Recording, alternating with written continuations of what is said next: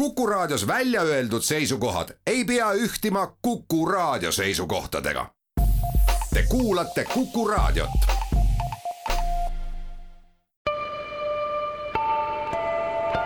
ilmaparandaja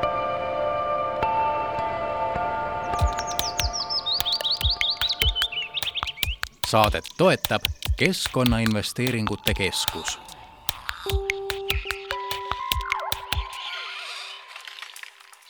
tere päevast, head Kuku raadio kuulajad ja tere kuulama ilmaparandaja saadet. mina olen saatejuht Rein Pärn ja loodan, et see pikk kuumalaine on teil edukalt ära kannatatud ja olete kõik elu ja tervisega sellest välja tulnud. tervitan loomulikult meie eluslooduse uusimat asukat merisiili, kelle siis üks rannaline Pirita rannas omale küll õnnetult jalga astus ja, ja eks näis, kas oli tegemist nüüd kogemata mõne kaubalaevaga koos siia reisinud isendiga või levib neid neid siin juba hulgaliselt, eks seda mereteadlased hetkel vist väga teada tahavadki. aga see ei ole meie tänase saate eh, pikem teema ega ka põhiteema, sest juttu teeme hoopis ühest eh, laiapõhjalisest arengudokumendist nimega Kevad, mida hetkel suure hooga valmistatakse ja eh, mitmeks aastaks see keskkonnavaldkonda suunavaks alusdokumendiks olema saab. sellest räägimegi nüüd kohe pikemalt ja stuudios on Keskkonnaministeeriumi eelarve ja strateegia osakonna juhataja Andrus Pirso,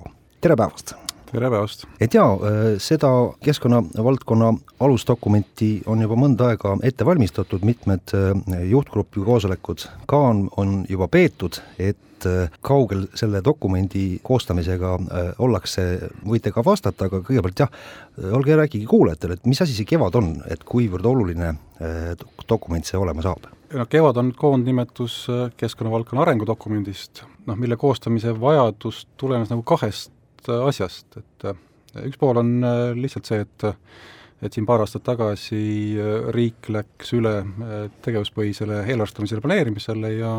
ja sellega seoses ka oli korrastamisel kogu riigi siis strateegilise planeerimissüsteem, et et teatavasti meil on nii-öelda põhialusdokumendiks on praegu pikaajaline strateegia aastani kaks tuhat kolmkümmend viis Eesti, Eesti kaks tuhat kolmkümmend viis strateegia,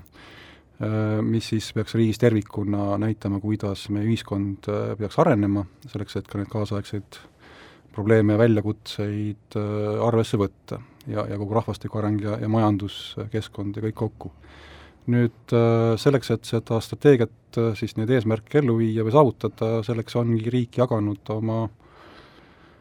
ennast nagu nii-öelda tulemusvaldkondadeks ja üks nendest valdkondadest ongi siis keskkond, äh, kus siis samamoodi Vabariigi Valitsuse otsusega uus arengukava tuli nagu teha. no täpsustus on veel see, et äh, tegelikult keskkonnavaldkonnas on koostamisel kaks arengukava, et eraldi on ju koostamisel ka metsanduse arengukava, mis on varasemalt juba algatatud Riigikogu poolt ja ja kuna ta varem algatati, siis otsus oli ka, et sellega jätkatakse, sellest metsanduse arengukavast on ju kindlasti ka avalikus ruumis päris palju olnud äh, juttu ja diskussiooni kogu metsanduse teemal nüüd äh, kõik ülejäänud keskkonna valdkonna,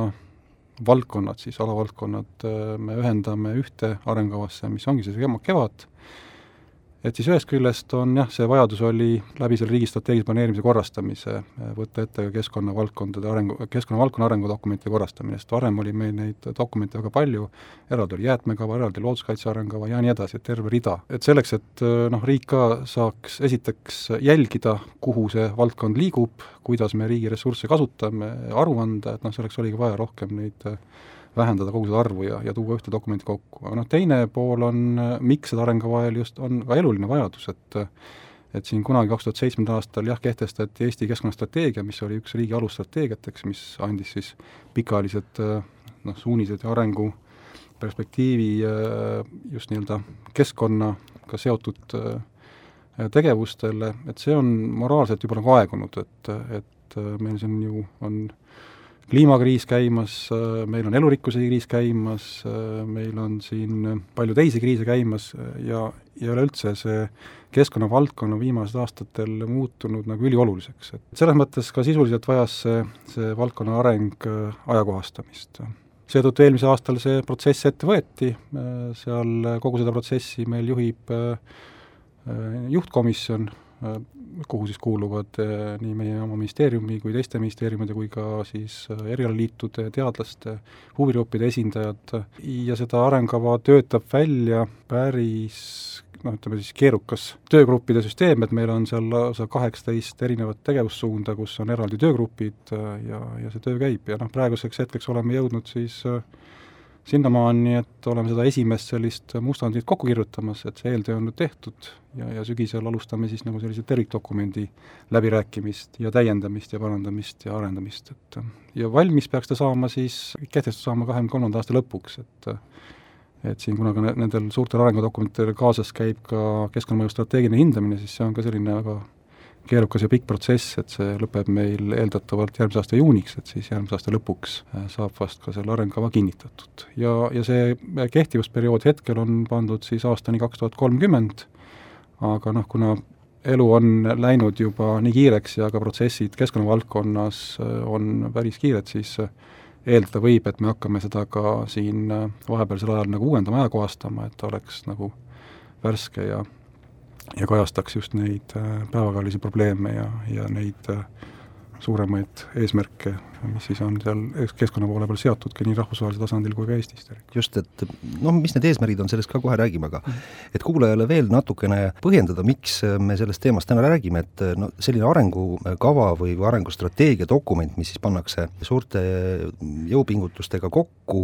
väga erinevate valdkondade esindajatega koos ja pika aja jooksul, et äh, mi-, miks seda selles mõttes tehakse, et et kui see dokument siis nüüd valmis saab, et äh, noh, igapäevaselt kohaselt, kuidas seda rakendama hakatakse? see on, ütleme noh, kui nüüd selgitada seda, et, et mis see arengudokument on, sest ta on tegelikult ju keskvalitsuse, keskvalitsuse arengukava, et kuidas riik siis kasutades oma ressursse, riigieelarvet ja ka äh, valitsusasutusi, nende tegevust, et kuidas läbi milliste tegevuste me neid suuri keskkonnaeesmärke, mis on kas siis rahvusvaheliselt meile püstitatud, oleme siin Eesti-siseselt need püstitanud või arengukavas neid püstitame, et kuidas me need siis ikkagi saavutame, et, et selles mõttes ta on ka aluseks riigieelarve vahendite kasutamisele. ja, ja noh, ta see kogu see tulemuspõhine süsteem seda tähendabki, et, et need eesmärgid peavad olema mõõdetavad, need ole, peavad olema ka riigieelarve ressurssidega kaetud ja, ja ka aruandlus peaks siis aru andma seda, et kuidas me oleme neid riigi vahendeid ja ka välisvahendeid, mida siis on Eesti riigil eraldatud ka keskkonnavaldkonnas rakendamiseks, et kuidas me oleme neid siis äh, kasutanud selleks, et saavutada nii selle kevade eesmärke kui ka siis äh, laiemalt äh, kogu selle Eesti kaks kolm viis strateegia eesmärke, et ütleme, et riik on selle läbi selle tegevuspõhise planeerimise või tulemuspõhise planeerimise võtnud selle suuna, et, et et ei oleks ainult arengudokumendid, vaid ka see oleks seotud sellise pideva aruandluse ja, ja seirega ja ka siis äh, eelarvestamisega, et teatavasti igal aastal, noh sel aastal on esimest aastat, kus iga minister on käinud Riigikogus kevadperioodil aru andmas äh, seda, kuidas ta oma valdkonnas viib ellu nii seda Eesti kaks kolm viie sätestatud prioriteete kui ka siis äh, oma tulemusvaldkonna siis arengukavas äh, sätestatud eesmärke, nii et nii et selles mõttes ma arvan, et see selline nii-öelda aruandmine, tagasivaatamine, analüüsi pool läheb järjest tugevamaks, et ikkagi see riigi ressursside kasutus oleks ka nagu eesmärgipärane, et et selles mõttes mulle tundub, et noh, nagu riik liigub selle koha pealt nagu õiges suunas, et avalikus ruumis on küll noh, palju olnud poleemikat selle tegevuspõhise eelarvestamise üle, et, et noh, et poliitikud, poliitikud võib-olla ei ei saa nüüd aru, et, et kuhu ikkagi raha täpselt läheb, sest äh, kui seal eelarves on kirjas, et äh, mingi valdkonna peal läks nii palju raha ja teise peal nii, nii palju raha, et siis, et mis sa selle numbriga nagu peale hakkad, et noh, kui sa sinna sisse kohe ei näe, et see, see eeldab nagu sissevaatamist, aga aga ma arvan, et selle strateegilise tulemuse poole peal minnakse küll õiges suunas, et järjest rohkem üritatakse siduda neid suuri eesmärke ka konkreetsete tegevustega ja ressursikasutusega ja asutuste tegevusega. et see läheb minu arust nagu järjest paremaks, et ma loodan küll, et sellest arengukavast on kasu ja ma loodan ka, et ta ei jää staatiliseks, et me ikkagi hakkame seda regulaarselt ajakohastama ja, ja uuendama, et ja siis vastavalt sellele nihutame ka seda nii-öelda eesmärgi ajapiiri nagu edasi lähtudes siis just sellest muutuvast maailmast ja nendest väljakutsetest, mis ka nii-öelda Eestis selle keskkonna arengu sees on. et käis siin juba korduvalt läbi, et nüüd see keskkonnastrateegia dokument äh, on ka oma, omadega ajale jalgu jäänud ja ma saan aru, üks probleem on ka see, et et seda niimoodi jooksvalt uuendada ei saa, aga kas nüüd uut, seda kevadarengu äh, strateegiat äh, saab siis kuidagi jooksvalt ka nüüd, nüüd uuendada, kui, kui selgub, et tõesti, see sõnastus, mis siin kümme aastat tagasi või seitse aastat tagasi sai pandud, et see ei tööta enam reaalselt? no see on jälle nüüd laiema niisugune süsteemi äh, kirjeldus, aga, aga jah, ta peaks nii olema, et, et meil on see suur Eesti kaks tuhat viis strateegia, ka seda mingil hetkel uuendatakse, siis on meil need äh, niinimetatud keskpikad arengkavad, äh, mis peaks andma nagu strateegilise vaate neljaks kuni kümneks aastaks, ja siis on tegelikult, neid ellu viiakse ju läbi programmide, et need on need nii-öelda igal ministeeriumil omad programmid ja programm ei tähenda ainult siis nagu sellist nii-öelda tekstidokumenti või tegevuskava, vaid programm tähendab seda, et, et ka kogu selle ministeeriumi valitsemisala asutuste tegevus, ressursid, inimtööjõud ja kõik on sinna nagu kätketud, ehk palju siis riik kulutab selleks, et äh, mingi valdkonna eesmärke täita ja, ja ja kuna programmid on seotud ka riigieelarve strateegiaga, mida teatavasti uuendatakse iga aasta, iga aasta tuleb üks aasta juurde, sest see vaade on nelja-aastane, et juba sellest tulenevalt, kuna see programm seal allpool ja res-, riigieelarve strateegia rullub aastatega edasi, et siis me oleme sunnitud arengukava üsna, üsna pea seal vähemalt mingi viie aasta perspektiivis hakkame üle vaatama, sest vastasel juhul ajapiiri mõttes äh, jookseb programm ajaga järgi ja arengukava ei ole enam, ei anna sellist nii-öelda strateegilist vaadet ettepoole, vaid, vaid see ajapiir tuleb jah kätte, et, et ma arvan, me oleme sunnitud seda uuendama hakkama juba siin äh, enne, enne seda kümmet aastat, mis see tema see kehtivusaeg on, nii et et ma loodan, et selline dünaamiline rulluv süsteem ikkagi selles uues riigi strateegilise planeerimise süsteemis tekib. noh, ta on keeruline, aga, aga see on nagu hädavajalik, et seal ma mõtlen, et teisiti väga ei saagi mis need eesmärgid seal siis äh, arengudokumendis täpsemalt siis kirjas nüüd on, võrreldes siis jah, eelmisega, et äh, mis võib-olla jah, kantakse üle, eks ole, kindlasti on palju sellist, äh, mis ei ole nüüd eelmise strateegiaperioodi jooksul saanud tehtud või, või on jäänud kuidagi noh, jah, vaja veel viimistada ja, ja siis on veel mingisugused täiesti uued uued suunad, uued eesmärgid, et, et jah. no eks me suuresti teeme ikkagi nagu puhtalt lehed, et, et see keskkonna, tänase keskkonnastrateegia teatud teemasid ei, ei sisaldagi üldse ja, ja ta on jah, uuendamata olnud päris pikka aega. nüüd see arengukava on selles mõttes meil keerukas, et ta ikkagi hõlmab kõiki keskkonnapoliitikaid. et, et meil on seal ju kaheksa selline põhivaldkonda, on veemajandus, merekaitse, kiirgus, välisõhukaitse, looduskaitse, maavarad, ja nii eda-, jäätmed ja nii edasi, mis on olnud nagu nii-öelda Keskkonnaministeeriumi põhitegevused, aga Keskkonnaministeerium koordineerib ka selliseid läbivaid poliitikaid, noh näiteks on kliimapoliitika, mis on ju eluülene, et ta mõjutab kõiki valdkondi, et kõik valdkonnad äh, seonduvad kliimaeesmärkidega, kõikides valdkondades on see kasvuhoonegaasi kok-, äh, nii-öelda vähendamine ju eesmärk, et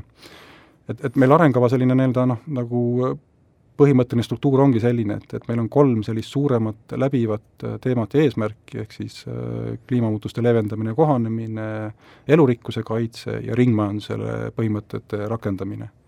ja need, need on need, kus me siis äh, üritame anda suuniseid kõikidele valdkondadele lähtudes siis nii kliima, ringmajanduse kui ka elurikkuse eesmärkidest, et milline see teiste tulemusvaldkondade panus peaks olema selleks, et me saaksime üldse rääkida sellest, et me kliimamuutuseid leevendame või noh, nii, niivõrd, kuivõrd me siis seda suudame, või elurikkust äh, nii-öelda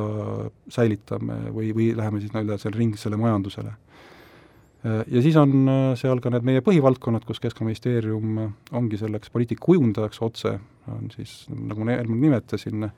looduskaitse, veekaitse, merekeskkonna kaitse, jäätmemajanduse korraldamine, maavarade kaevandamine,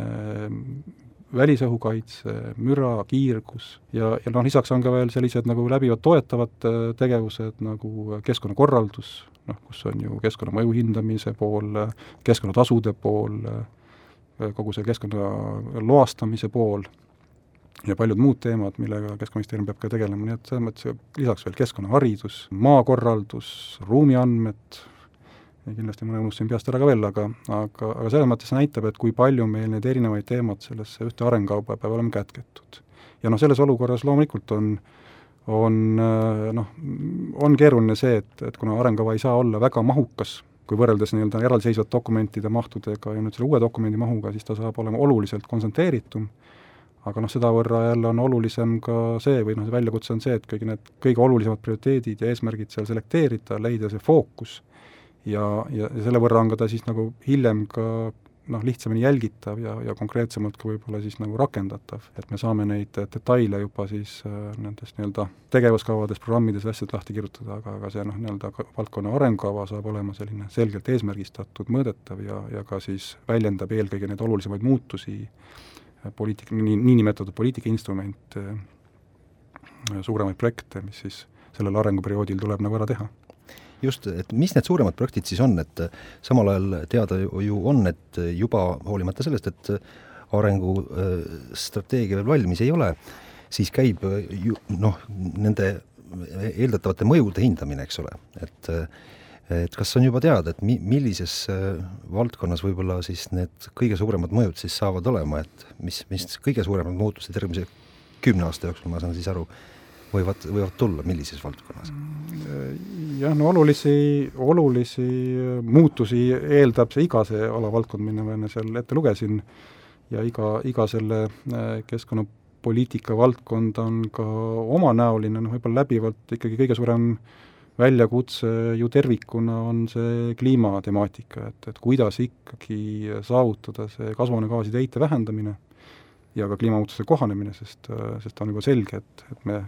kogu seda kliimamuutust leevendada ei saa, see juba toimub, et on vaja ka kohaneda, et see on nagu üks suuremaid väljakutseid, seda enam, et, et tegelik see kliimamõjude leevendamise noh, see mõju tuleneb energeetikasektorist, tööstussektorist, mis jälle on kureeritav ja hallatav teiste ministeeriumide poolt, et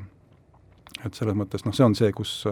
kus on kõige suuremat muutust vaja, noh kindlasti on elurikkuse pool, meil on arengukavas ju noh, ta elurikkus on kahel nagu tasandil, et üks on selline nii-öelda läbiv äh,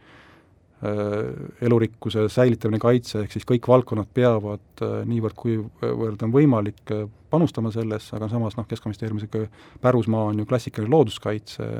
läbi kaitstavate alade, elupaikade kaitse, üksikobjektide kaitse ja nii edasi,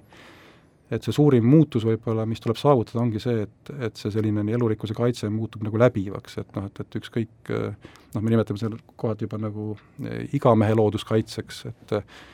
et ka inimene saab siin väga palju ära teha ju kas või sama see viimasel ajal avalikus ruumis ka tihti nimetatav niitmise teema, et kas niita või mitte niita, et noh, et, et see on üks asi, kus noh, planeerijad saavad väga palju ära teha, et selle asemel, et kes noh, see, kes planeerimisel pliiatsit hoiab, et kas ta joonistab sinna kuskile mingi kiviplatsi või joonistab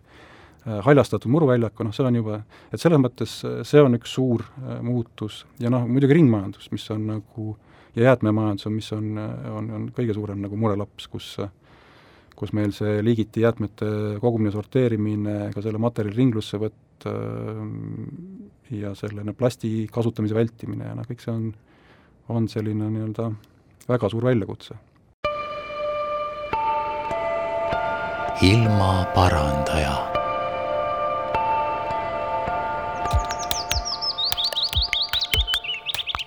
saadet toetab Keskkonnainvesteeringute Keskus.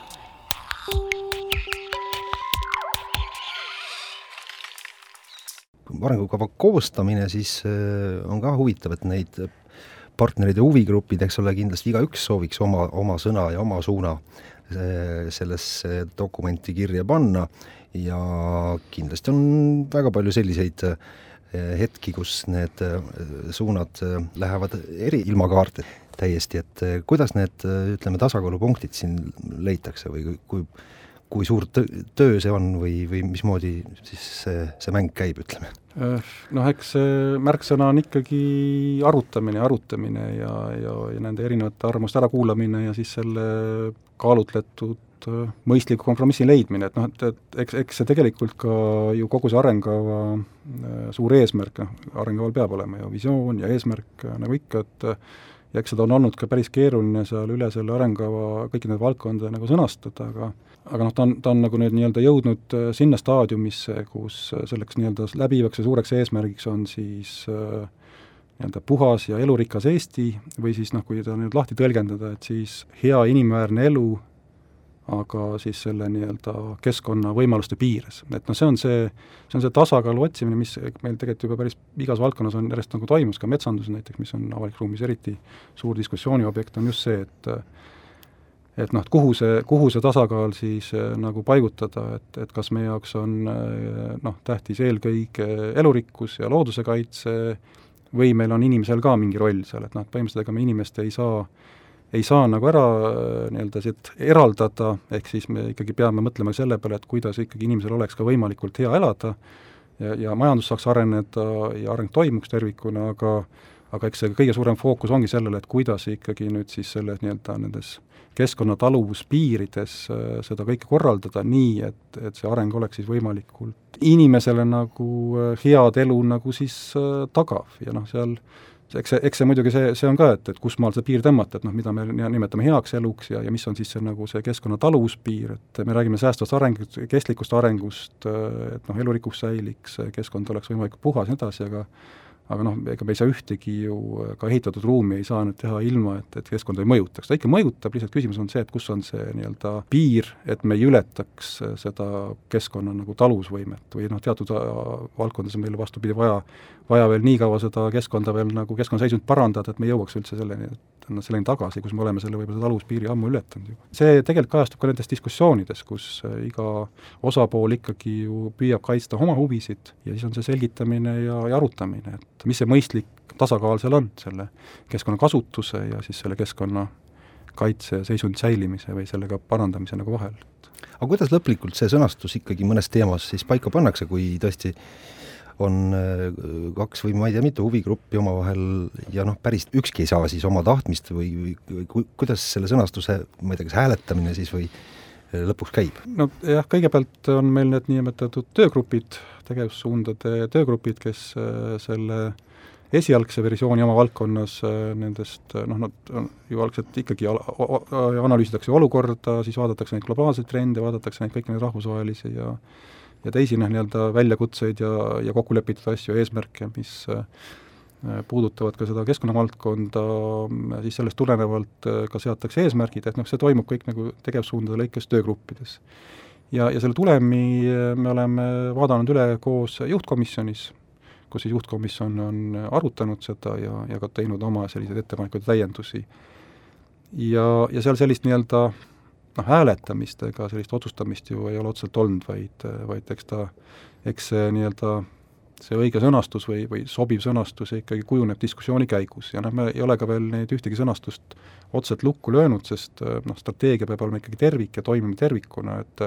et kui me oleme eesmärgid seadnud, siis ka see eesmärkide saavutamise tee peab olema arusaadav ja loogiline ja, ja kui on vaja seal sõnastusi kohendada, siis ka kohendatakse seda dokumendi koostamise käigus, aga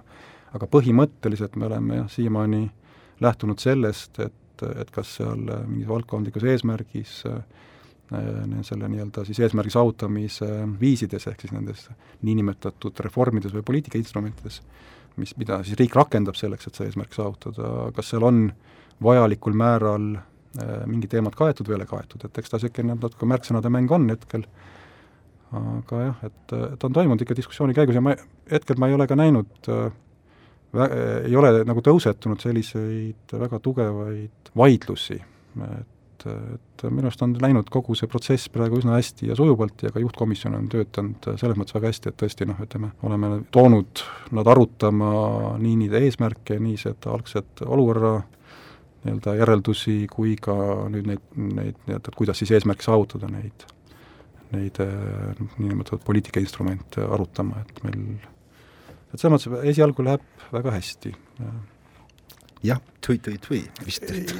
jah, et, et noh, et kunagi ei või välistada, et seal võib, võib mõne, mõne teema puhul põhimõtteline vaidlus tekkida, nii nagu metsanduses on, sest metsandus on ka ikkagi põhimõtteline vaidlus selle peale, et, et kuhu tõmmata see metsade majandamisel või see raie nagu piir, et no ja metsanduse arengukavaga ju läkski noh, ütleme lõppes, kas fiasko on nüüd õige sõna, aga saadeti igal juhul ju laiali kogu see koostamise grupp, et eh, ega te nüüd seda ei karda? ja ei, kevade puhul seda hetkel ei ole nagu noh, ma ei, ma ei oskaks nagu välja mõelda praegu ühtegi teemat, kus selline nii põhimõtteline vaidlus peaks nagu tekkima, sest noh, metsanduse puhul on arusaadav ka see, et, et mets on kui nii-öelda elurikkuse häll aga samas noh, eks ta on ka ajast aega olnud inimesele nii-öelda tuluallikas ja, ja majandamisallikas ja noh, ja siin täpselt samamoodi, et ega ma ise võin ka öelda, et minu enda sees on mõnes mõttes ju konflikt, et ühest küljest äh, ma väga tahaks, et, et ole, metsad kasvaksid, kõik oleks elurikas, samal ajal nii-öelda hobi puidu kasutajana, kellele meeldib puidust igasuguseid asju teha, noh, et et seda materjali on ju ka vaja, et et noh, kuhu see nagu tasakaal tõmmata, noh see on ülikeeruline süsteem ja, ja eks seal tihti on ka see probleem, et ega on ka raske üksteist aru saada, et, et kas need andmed või, või millele nagu apelleeritakse seal vaidlustes, on üldse õiged, eks seda usaldamatust on ka väga palju, et et võib-olla seda usaldamatust nii palju ei ole, et siis võib-olla saadaks ka parem kokkuleppele, aga jah, ta, ma arvan, et ta on käinud läbi loomuliku arengu, sest ka praegu ju nüüd see, mis toimus siin selle nädala algul Euroopa Liidu Keskkonnanõukogus, kus ka selle metsanduse süsiniku sidumise võime teemal ju tehti otsuseid, mida on ka meedias kajastatud, et siis võib-olla on ka see isegi hea, et see arengukava veel valmis ei ole. et, et, et see nii-öelda lõplik punkt on veel panemata ka nende eesmärkide mõttes, et millest lähtuvalt siis ikkagi metsandust ja selle majandamist tuleb äh, nagu planeerida aga nojah, jällegi see looduse kaitsmise teema on, paneb käsi laiutama, et äh, kõik seaduse kirjutajad ja, ja kes arengukavasid teevad, tahavad, et loodust kaitstakse, aga siis, kui see, kelle maa-alal hakatakse loodust kaitsma, tunneb ennast ikkagi väga puudutatuna ja, ja solvatuna ja ma ei tea, mida kõike veel, et no kas või seesama metsaomanik jälle kirus, et eh, tema maa-alale kolis lendorav, eks ole, ja temal jääb nüüd selle lendorava tõttu pool miljonit eurot saamata, eks ole, ja ta on väga pahane selle olukorra üle, samas noh, kõik mõistavad, et eh, ju võiks olla metsaomanik õnnelik, et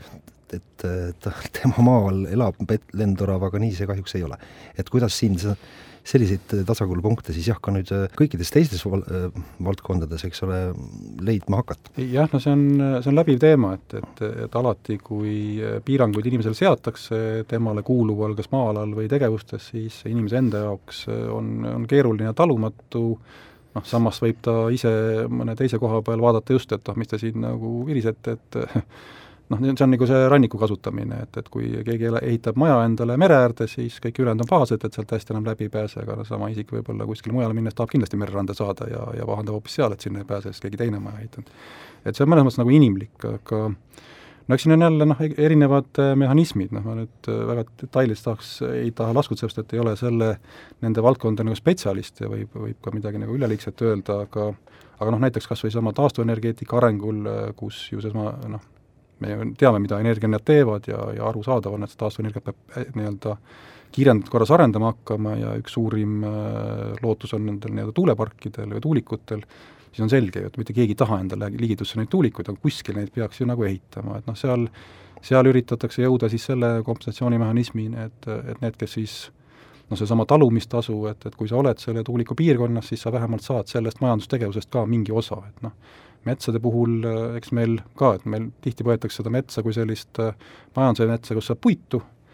aga noh, eks järjest rohkem on hakatud ka neid ökosüsteeme hinnastama, et, et sellel ökosüsteemil on ka laiem väärtus ja ma-, maksumus äh, ka läbi nii-öelda muude teenuste, mida mets siis nagu osutab, või need nii-öelda tinglikult nagu teenused, et et võib-olla see nii-öelda lendorav või, või need, see elurikas mets on ka muus kontekstis Äh, väärtus, iseküsimus on jah, et, et kuidas see, sellest väärtusest tulenev tulu ühiskonnale jõuab lõpuks siis selle üksikisikuni, kes seda metsatükki seal omab, et noh, see on see võib-olla kõige keerulisem koht, aga noh, tuulikute puhul mingi kompensatsioonimehhanism on välja mõeldamas ja noh, on ka ju tegelikult äh, äh, metsanduses ju need Natura piirangutest tulenevad toetusskeemid, et, et ka seal ikkagi pindalaliselt toetatakse. Äh, neid piiranguid, aga noh jah, et kas nad, kas nad selle metsatulu üles kaaluvad, see on muidugi jah, ütleme keeruline teema. kusagil peab olema jah, see, see algne selline sõnastus, millest lähtuma hakatakse, kui vaidlema hakatakse, et äh, kas tuulik äh, on viieteist kilomeetri kaugusel meres, et kas see, siin on tegemist mingisuguse taluvuspunkti ületamisega või mitte, et, et see tuleb kõik, eks ole, paika panna, et no see on see maastiku väärtus, et meil näiteks maastikest, noh mis see maastik, kui ta noh, üks asi on elurikkuse mõttes, teine asi on see, et maastikud inimese jaoks on ka mõnes mõttes selline visuaalne väärtus, et noh, kui sul ikkagi seal sellel nii-öelda loodusmaastikul tuulikud vastu vaatavad, siis äh, noh, ta võib ka kaudselt äh, mõjutada turismi ja, ja, ja, ja muud ka, nii et äh, eks see on niisugused keerulised, keerulised arvutused nii-öelda, et kui, kui seda hakata nii-öelda panema sellesse rahalisse väärtusse, et et kas, kes, mis, mida mõjutab nii-öelda et jaa, selline tähtis dokument siis koostamisel on, äh, keskkonnavaldkonna arengukava nimega Kevad, siis loodetavasti peatselt äh, valmis saab. Ja siis äh, poliitikud ja, ja ka kõik teised huvigrupid saavad siis sellest lähtuvalt oma tegevusi hakata siis jah, ette valmistama. Et ja ühtepidi on see dokument hea ka ju sellepärast, et siis on, ütleme, noh, välistatud selline olukord, et tuleb mõni uus erakond, kellel on täiesti uus nägemus Eestimaa loodusest ja loodusväärtusest ja keskkonnast, et siis ei ole nagu nii lihtne võimalik äh, nagu mingisugust täiesti uut kosmost hakata arendama siin Eestis? no ütleme nii, et kuna ta on äh, valitsuse dokument ehk valitsus kinnitab selle arengukava,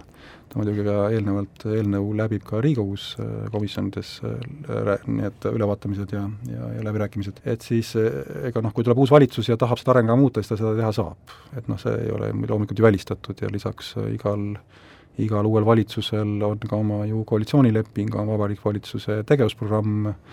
ja kui see eeldab ka arengukava muutmist, siis,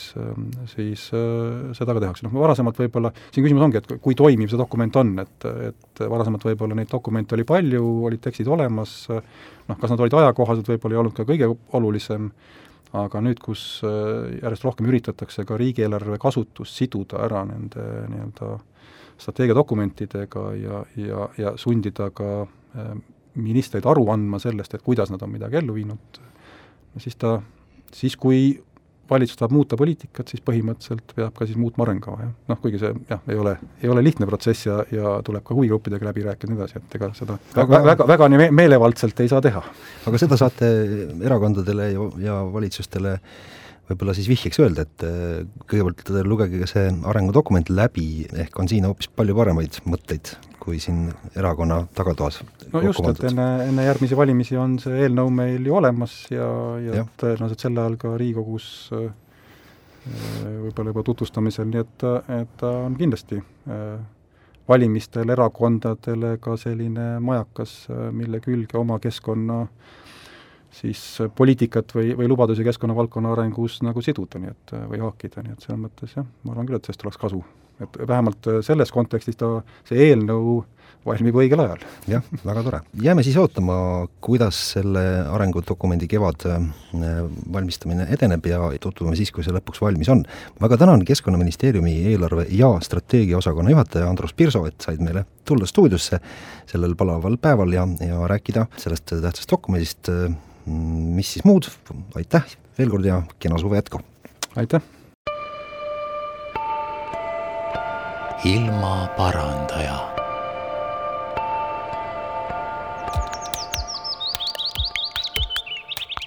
saadet toetab Keskkonnainvesteeringute Keskus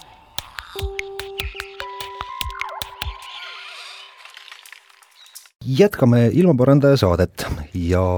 seda on nüüd hea meel jätkata Keskkonnaministeeriumi piirivete erisaadiku Harri Liiviga, tere päevast! Tere! olen teid kutsunud sellepärast siia, et äh, kõigepealt jah, Eesti on nüüd ju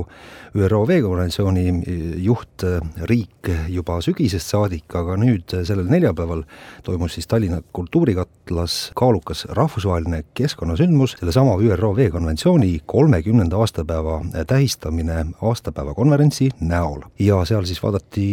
tagasi tehtule ja toodi välja siis kogu selle kolme aastakümne edusammud et mida see ÜRO veekonventsioon on siis reaalses elus kaasa toonud. aga olge hea, rääkige, kuidas nüüd aastapäeva tähistamine siis nüüd läks, et kui palju osalejaid kohal oli, kui kaugete eh, maade ja merede tagant? jah, aitäh, eks osavõtjaid oli päris palju, sellepärast et tegemist on sellise globaalse või ülemaailmse konventsiooniga, sellise kokkuleppega, eh, eesmärgiga paremini majandada ja kaitsta veekogusid ja just eh, neid veekogusid, mis siis on piirivete eh, tähenduses või riikide piiridel või riigi piir kas jagab neid siis otse öeldes pikuti või põigiti, sõltuvalt siis olukorrast, mõnikord on ta järvedega seotud, seal siis on järv jagatud veel mitme riigi vahel, rohkem kui kahe riigi vahel ja jõgede puhul samuti võib ta olla tükeldatud siin kümnete riikide vahel ja see omakorda siis on esile toonud selle, et äh, riigid peavad omavahel siiski läbi rääkima ja mõistlikult kokku leppima. Ja konventsiooni eesmärk see ongi, et äh, kõigepealt, et riigid äh, looksid sellised piirkondlikud kahepoolsed või mitmepoolsed komisjonid nagu töövormid, ja teisest küljest, et selle tulemusena ka vee majandamine oleks igati probleemidevaba ja mõistlik ja järjest rohkem ja rohkem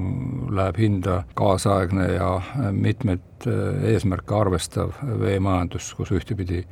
on vaja kasutada vett hästi efektiivselt ja teistpidi ei tohi ka vee ökosüsteemi ära rikkuda tulevaste põlvede jaoks kui palju selliseid noh, jah, probleemkohti siis see veekonventsioon on aidanud, kolmekümne aasta jooksul lahendada näiteks, millised võib-olla need eredamad välja tooksite? noh, ta on aidanud äh, kõigepealt äh, seda, et äh, et riigid saaksid ühiselt üldse aru, milline veeseisund on, selleks on kõigepealt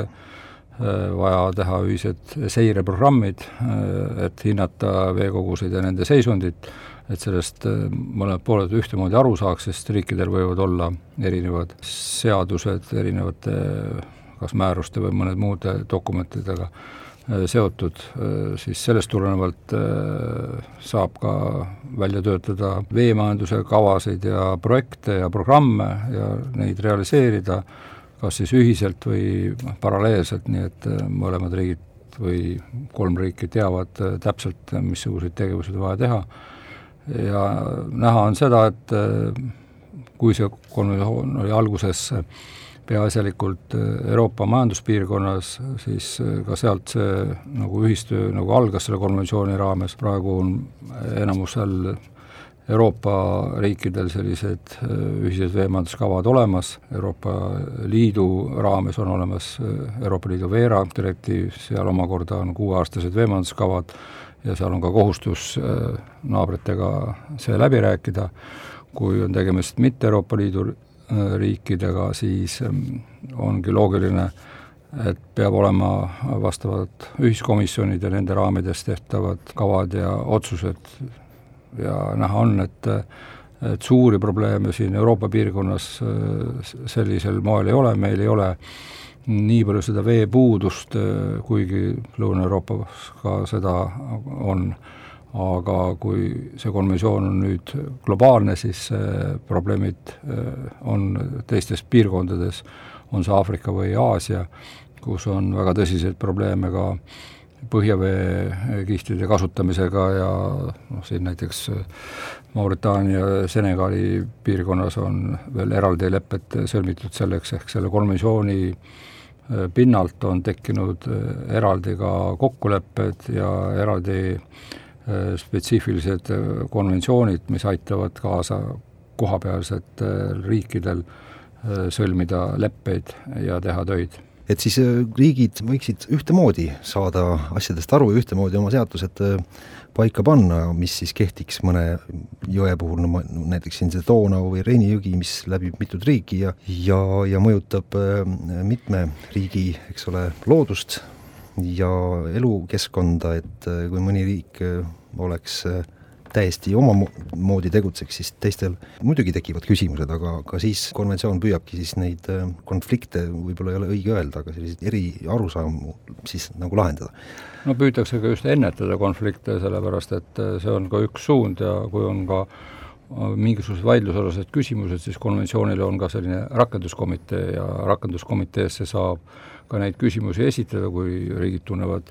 et nad ise ei suuda lahendada, on mingisuguseid äh, poliitilisi tõrkeid, siis äh, rakenduskomitee aitab seda lahendada, siin on olnud ka mitmeid näiteid, kus äh, on jõutud selleni, et noh, tüüpiliselt on see muidugi hüdrotehnika, elektrijaamadega seonduvad teemad, mis reeglina on kinni selles, et ei suuda üks riik tagada piisavat ökoloogilist vooluhulka ja teine riik soovib kasutada maksimaalset äh, vett, äh, tõsta seda taset, samad teemad jätkuvad tegelikult ka Aafrikas, kuid siiski tänane praktika on, on viinud selleni, et öö, otsitakse neid kasulikke momente kõikidele osapooltele ja näiteks Kambja ja Senegali vahel olev jõgi mis äh, läheb otsapidi siis äh, Senegali, seal on hüdroelektrijaama rajamise juures arvestatud kolme riigi huve, äh, nii et oleks tagatud vesi niisutusmaaviljeluseks ja samaaegselt on piisavalt suur elektrijaam, andes elektrienergiat ümbritsevatele riikidele ja on saavutatud kokkulepped selle ressursi kasutamiseks. üks teema ongi selline valdkonnaülene koostöö ja konventsioon ühes oma programmis spetsiifiliselt pühendab tähelepanu sellele, et et kuidas anda juhiseid taolise valdkonnaülesele koostööle, tüüpiliselt on siis toidutootmine, energia tootmine ja äh, põllumajandus, maaviljelus siis antud juhul niisutusmaaviljelus. Et see on nagu üks konventsiooni suund ja konventsioon ise üldse oma rakendusinstrumentidena toodab äh, juhiseid. Äh, aegade jooksul, on neid siin üle kümne sellise juhise välja töötatud, kui kuskil mõni teine konventsioon, näiteks siin HELCOMis, tehakse soovitusi, selliseid äh, küllaltki tehnilisi, siis mm, veekonventsiooni puhul on rohkem nad sellised äh, küll äh, üldist laadi või kirjeldavad ja mitte võib-olla nii konkreetsed, kuna rakendamine peab toimuma ikkagi riikides ja sõltuvalt riikide spetsiifikast, kas nad viivad selle oma riigis mingi konkreetse seaduse tasandile või piisab määrusest või piisab ka mõnest konkreetsest veemajanduse programmist või kavast on ka juhtumeid, kus ikkagi riigid jagavad omavahel vett ka niimoodi, et äh, siin Tšaadi ja, ja tema naaberriikide vahel, et äh, tehaksegi ühine veevarustussüsteem joogivee varustamiseks ja seda peetakse, muidugi enne vastavad arvutused tehakse, kuid seda peetakse siiski kõige ökonoomsemaks ja saab kasutada ressurssi efektiivselt. mitmeid näiteid on sellest et selle töö tulemusena on saavutatud parem lahend, kui tehes seda üksinda. olete maininud seda, et, et jah, et kui siin mõni, mõni probleem mõne piiriveekoguga kas lahvatub või on juba pikemat aega olnud, siis äh, oleks hea, kui need äh,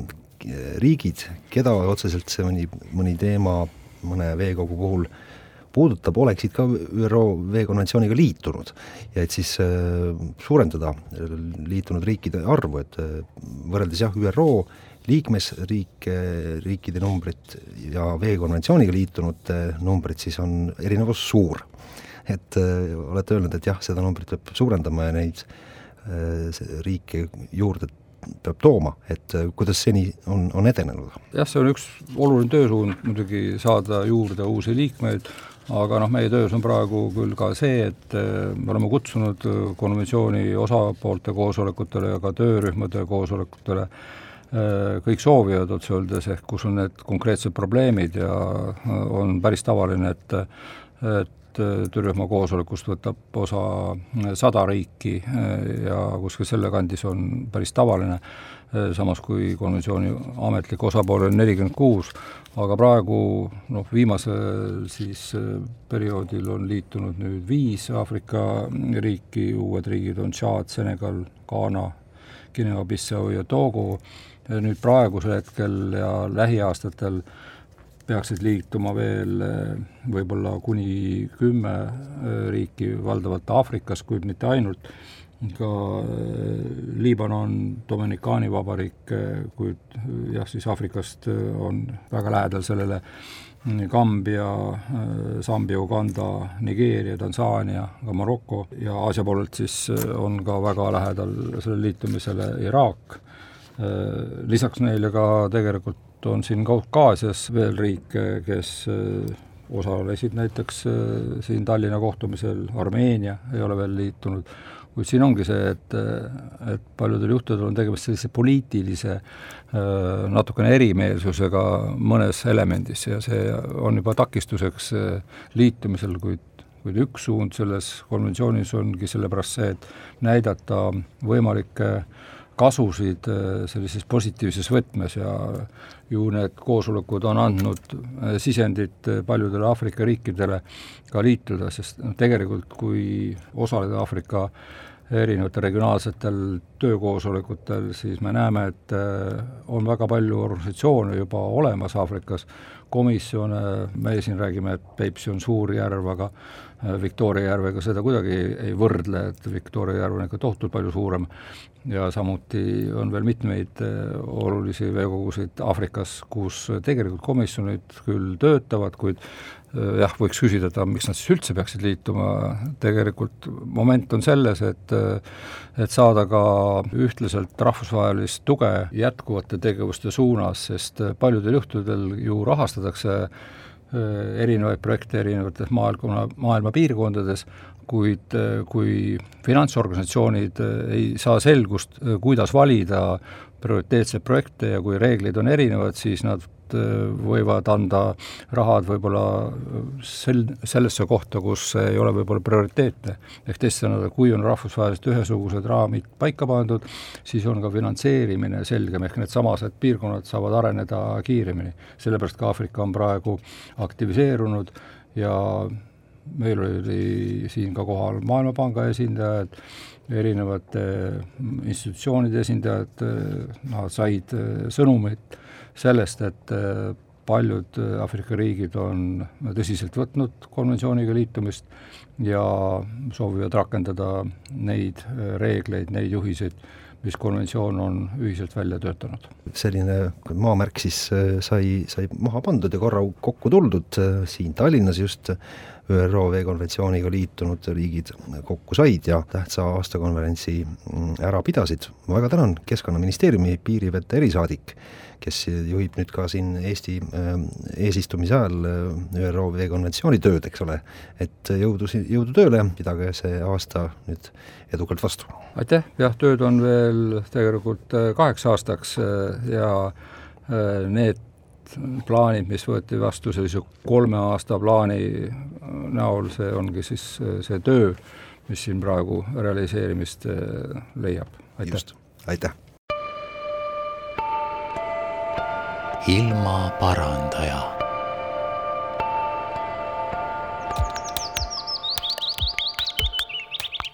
saadet toetab Keskkonnainvesteeringute Keskus